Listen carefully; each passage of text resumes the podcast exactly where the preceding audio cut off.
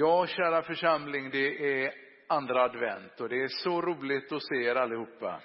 Jag vet inte hur bekant du är med Mölndals stad. Jag vet att Albins föräldrar är här. Jag vet inte om ni har varit här förut i Mölndal? Nej. Men ni är så välkomna. Ni vet att på den plats där vi nu befinner oss så var det för drygt hundra år sedan, långt innan den här byggnaden uppfördes, kyrkobyggnaden, då var det bara åkermark häromkring. Här mellan Åbykullen här intill och Mundalsån och bort mot Kållered, jag tror jag pekar rätt nu, det är alltid jobbigt det där. Så var det i stort sett bara åkrar och ängar. Personligen, jag vet inte hur det är med dig, har inte jag mycket erfarenhet utav jordbruk. Ja, det skulle möjligen vara när vi som familj bodde en vecka på bondgård på sommarlovet. Och jag kan väl säga att det gick så där. Jag menar, vi försov oss för det mesta när det var dags för den tidiga mjölkningen. Så vi gjorde inte direkt någon succé. Jag vet inte om du sitter här som är obotligt förtjust i odling. Jag vet inte hur det är med dig Albin. Du harvar ju med potatisodling på somrarna, eller hur? Men det är okej. Okay. Jag tycker att det är si där. Oavsett vad du tycker om odling så är du i alla fall idag medbjuden att följa med en utav Bibelns bunder ut på hans dagsverke. Vi ska studera vad denna bonde sår. Vi ska studera fröets inneboende kraft och hans tåliga väntan. Får jag fråga, har du någon gång blivit besviken? Jag tror att vi alla har blivit besvikna någon gång i livet. Och om du inte har blivit besviken någon gång så är du nog rätt unik. Jag tror att vi alla kan instämma att vi har blivit det. Jag minns när jag skulle köpa vår första bil. Och jag var så förväntansfull. För någon hade sagt till mig verkligen, det där, den där bilen, det är verkligen en riktig familjebil och jag var så förväntansfull.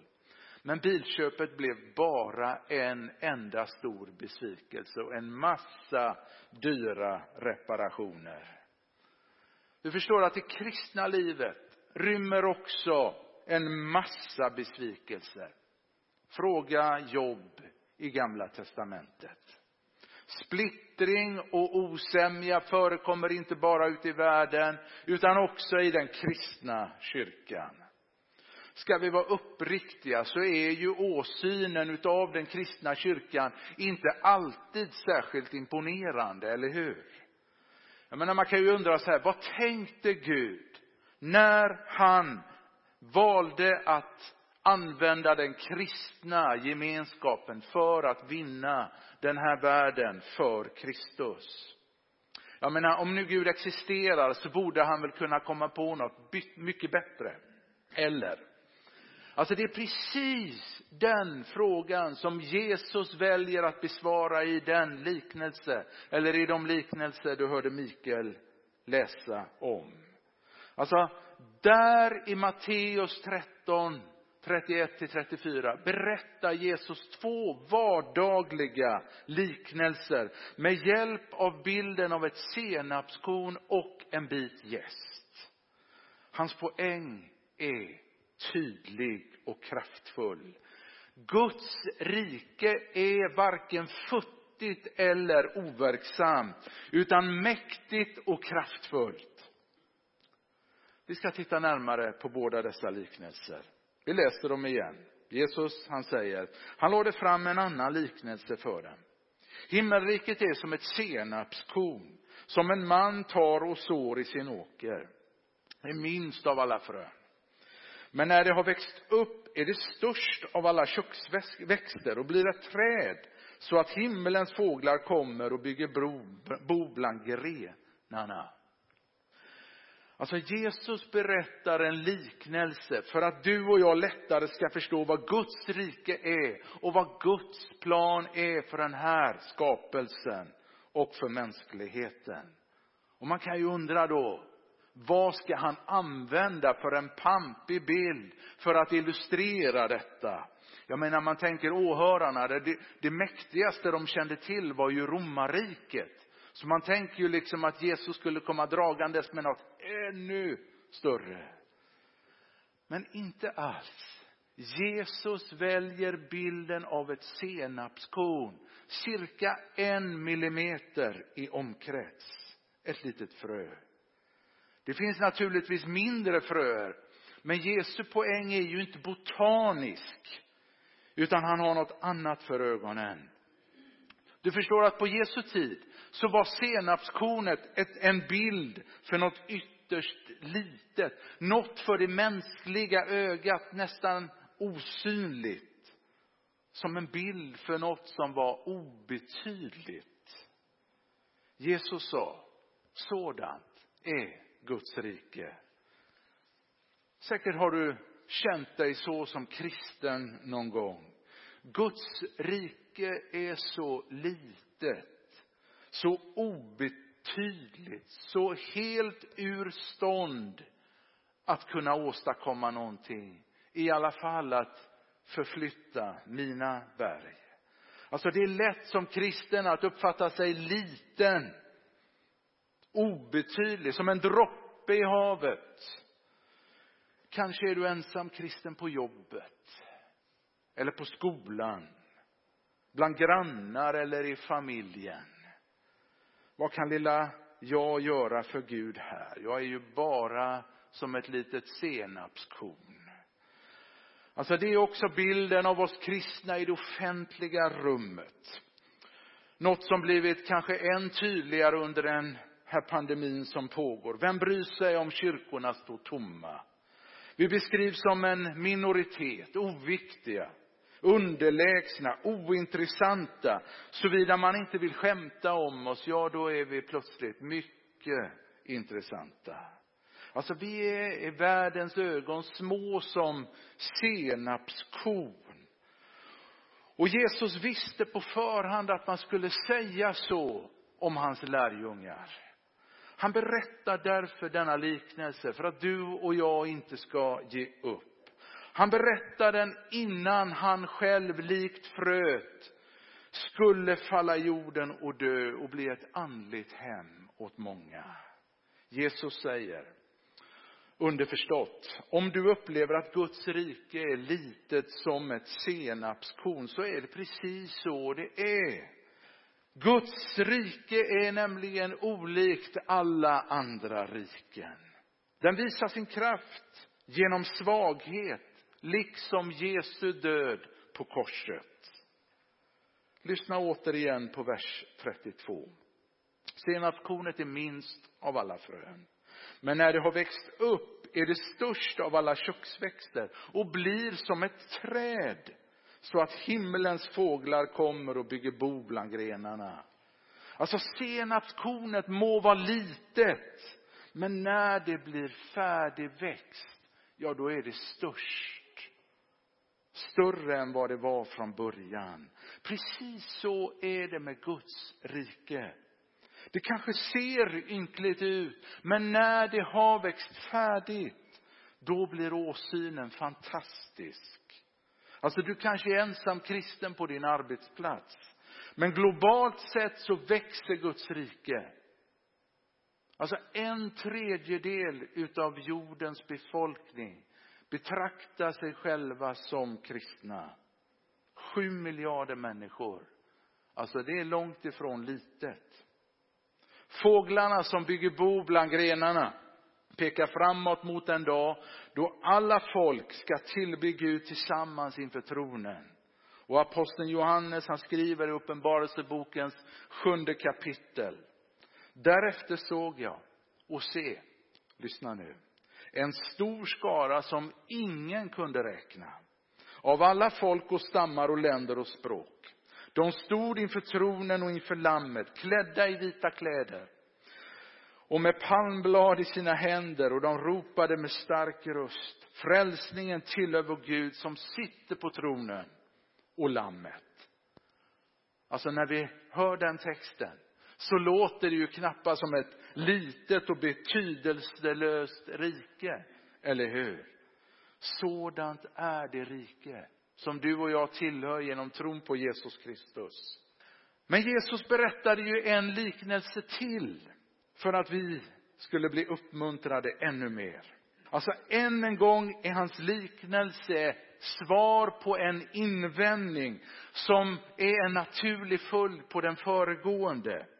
Alltså om Guds rike nu är så mäktigt, varför åstadkommer den inte mer? Det är ju en rimlig fråga. Alltså istället för att genomsyra samhället så är det ju ibland så, eller i alla fall upplevs det så, att samtiden istället tränger sig in och påverkar kyrkan. Alltså blickar man in i kyrkan, och jag är först att ställa mig längst fram. Blickar man in i kyrkan så tycks det ju ibland som att den bara består av misslyckade människor vars enda budskap är Jesus. Bara Jesus. Det är allt. Rätt harmlöst, inte sant? Men så ser inte Jesus på saken. Guds rike är i allra högsta grad verksamt. Och likt den förra liknelsen så använder sig Jesus utav bilden utav något väldigt litet. Nämligen en bit gäst.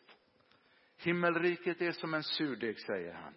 Som en kvinna tar och blandar in i tre mått mjöl tills allt sammans blir syrat.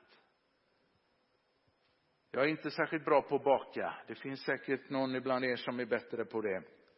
Men så pass mycket begriper jag att när gästen genomsyrar degen så får den degen att växa. Alltså, liksom förra liknelsen så handlar också denna om en liten mängd. En bit jäst räcker för att få hela degen att växa. Och det tycks ju i texten som att det rör sig om ett riktigt storbak. På samma sätt är det med Guds rike. Trots sin ringhet är Guds rike kapabel att åstadkomma stora ting. Guds rike växer genom att hans folk, du och jag, förmedlar evangeliets budskap i ord och handling för de som finns runt omkring oss. Det låter ju inte särskilt dramatiskt, men det är ju oerhört effektivt.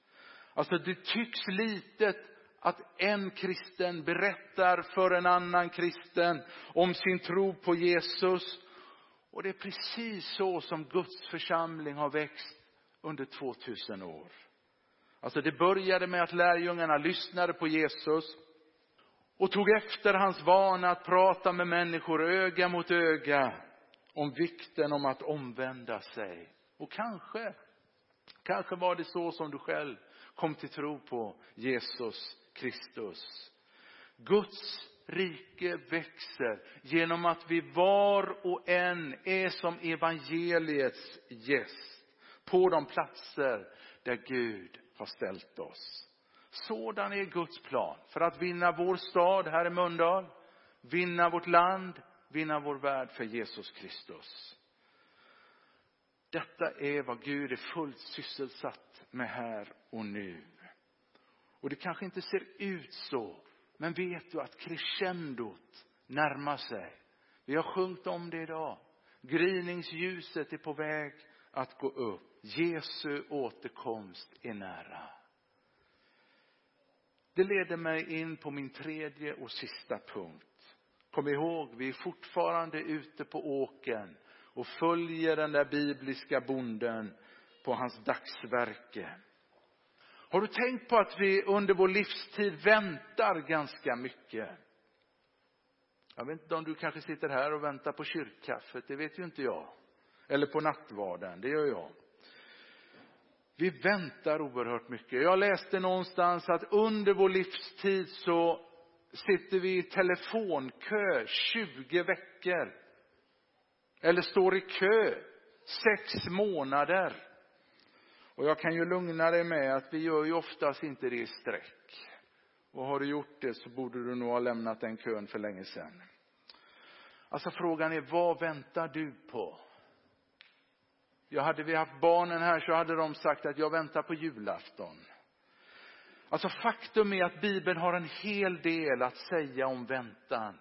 Inte minst Jakob, Jesu bror, som skriver till den hårt prövade kyrkan. Ha därför tålamod bröder tills Herren kommer. Se hur bonden tåligt väntar på jordens dyrbara skörd tills den fått höstregn och vårregn. Ha också ni tålamod och styrk därför era hjärtan, för Herrens ankomst är nära. Se på bonden. Alltså jordbrukare är ju ett ädelt yrke, det måste jag ju säga. Om det inte vore för bonden så skulle vi ju inte ha mycket att liksom sätta på bordet, eller hur? Stoppa i munnen. Alltså jordbruk är ett hårt arbete. En bonde idag behöver ju inte kunna bara detta med sådd och skörd och liksom hur olika grödor funkar. Han måste vara ekonom, han måste vara entreprenör. Han måste vara affärsman. Han måste till och med vara mekaniker. Alltså lägg där till ett stort mått av tålamod. För jag menar, bonden rår ju inte över väderleken, eller hur? Allt bonden kan göra är att plöja, så, rensa ogräs och vänta på att regnet ska komma så småningom. Så småningom, vilket bra ord, eller hur? Så småningom betyder inte nödvändigtvis idag, inte imorgon heller, inte nästa vecka, inte nästa månad. Så småningom betyder att förr eller senare inträffar det där som du och jag väntar på. Alltså när Job skriver ha tålamod så använder han ett ord och jag tycker detta är väldigt intressant. Han använder ett ord som också kan översättas att bära sitt lidande med lugn. Ha tålamod. Att bära sitt lidande, sina prövningar med lugn. Alltså tänk tillbaka på bonden igen. Alltså en bonde måste stå ut med allt ifrån torka till skadedjur. Alltså vi vet i klimatförändringarnas tid att bönder drabbas oerhört hårt. Men bonden kämpar sig igenom det för att han vet att regnet kommer så småningom. Han vet att torkan inte varar för evigt. Se därför hur bonden tåligt väntar. Den tåliga väntan beskriver en person som är så säker på en ljusare framtid att han inte låter sig påverkas av sina svårigheter i nuet. Alltså vad förväntas du och jag som kristen att vänta på så tåligt och som är så dyrbart och säkert? Vad är det? Jo, Herrens ankomst är nära. Eller som det står i en översättning, Herrens ankomst kan ske när som helst. Det har än så länge inte hänt mig, i alla fall inte ännu, men jag vet att det hände min svärfar. Att han glömde ett av sina barn i kyrkan och inte kom på det förrän han kom hem. Den är rätt pinsam. Så det var ju bara att åka tillbaka och hämta barnet som snabbt satt snällt i kyrkan och väntade. Det har nu gått mer än 2000 år sedan Jesus for upp ifrån den här jorden. Upp till himlen. Man kan ju fråga sig varför har Jesus inte kommit tillbaka ännu? Kan det vara så att han rent av har glömt oss? Ja, ifrån vår synvinkel så tycks det ju som att det har gått en evighet sedan Jesus for upp. Men det intressanta är att för Gud, ifrån Guds synvinkel, har det bara gått två dagar. Läs andra Petrusbrevet 3 och 8. För Gud är en dag så som tusen år.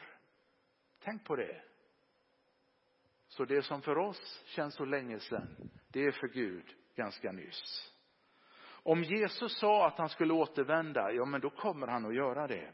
Så behåll lugnet, fortsätt att tro. Gud har inte glömt dig.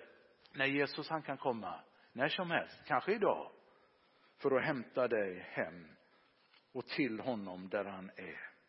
Men Jakob hade ju någonting mer att säga om tålig väntan. Och jag tror faktiskt att det här kan vara en hälsning till någon här idag. Bröder, ta profeterna som talade i Herrens namn till föredöme i att lida och vara tåliga. Vi kallar dem saliga som håller ut. Ni har hört om Jobs uthållighet och sett hur Herren till slut gjorde med honom. Herren är rik på kärlek och barmhärtighet. Har du hört talas om Jobb? Jag vet inte vad du vet om honom. Jobb var en mycket rättfärdig man. Men trots att Jobb var en mycket rättfärdig man så var han mer prövad än någon annan levande människa någonsin kommer att vara. Jobb förlorade allt, precis allt. Men fastän Jobb prövades så hårt och fick lida så mycket övergav han aldrig sin tro på Gud. Alltså hur lyckades Jobb bevara tron trots sina otaliga lidanden och prövningar? Jo, för att han visste vem hans Gud var. Alltså när allt kommer omkring kretsar allt kring en enda fråga. Vad tror du om Gud? Vilken slags Gud är han? Och hur uppenbarar han sig själv i Bibeln? Någon har sagt så här. Du må ha lärt dig din teologi i solsken, men det är i midnattsmörkret du upptäcker upptäcker den. Alltså det var under midnattens mörker som Jobb och profeterna insåg att Gud, Herren, är rik på kärlek och barmhärtighet. De såg det klara gryningsljuset gå upp i horisonten och de fäste sin längtansfulla blick vid den. Nog är det talande att Bibelns mest beprövade människor höll fast vid att Gud är rik på kärlek och barmhärtighet. Alltså hur överlever vi när hårda tider kommer? Hur väntar vi tåligt på Herrens ankomst? Ja, allt beror ju på vilken gudsbild du och jag har. Är din Gud rik på barmhärtighet och kärlek? Är det din Gud? Livet kommer att vara hårt emot dig. Du kommer att stöta på många käftsmällar, rent ut sagt. Men om din Gud är Jobs Gud så kommer han alltid att resa dig upp och hålla dig upprätt. Alltså för mig är det en stor tröst att Jakob inte skriver någon sån där quick fix. Han säger inte be bara den här bönen så kommer dina problem att försvinna. Nej, han gör inte det. Alltså Jakob är för uppriktig för det. Alltså livet, alltså jag tror, är det någonting vi kan hålla med om här inne idag så är det ju att livet långt ifrån är rättvist. Eller hur? Alltså det är ju ingenting vi kan göra någonting åt. Ja, det är visst, vissa saker kan vi göra någonting åt. Om någon säger någonting elakt mot dig så kan du ju välja att inte slå människan på käften. Ja, det är klart. Men det händer ju saker i den här världen som du och jag inte rår över. Livet är inte rättvist. Men du och jag kan däremot bestämma hur vi ska respondera på det som händer.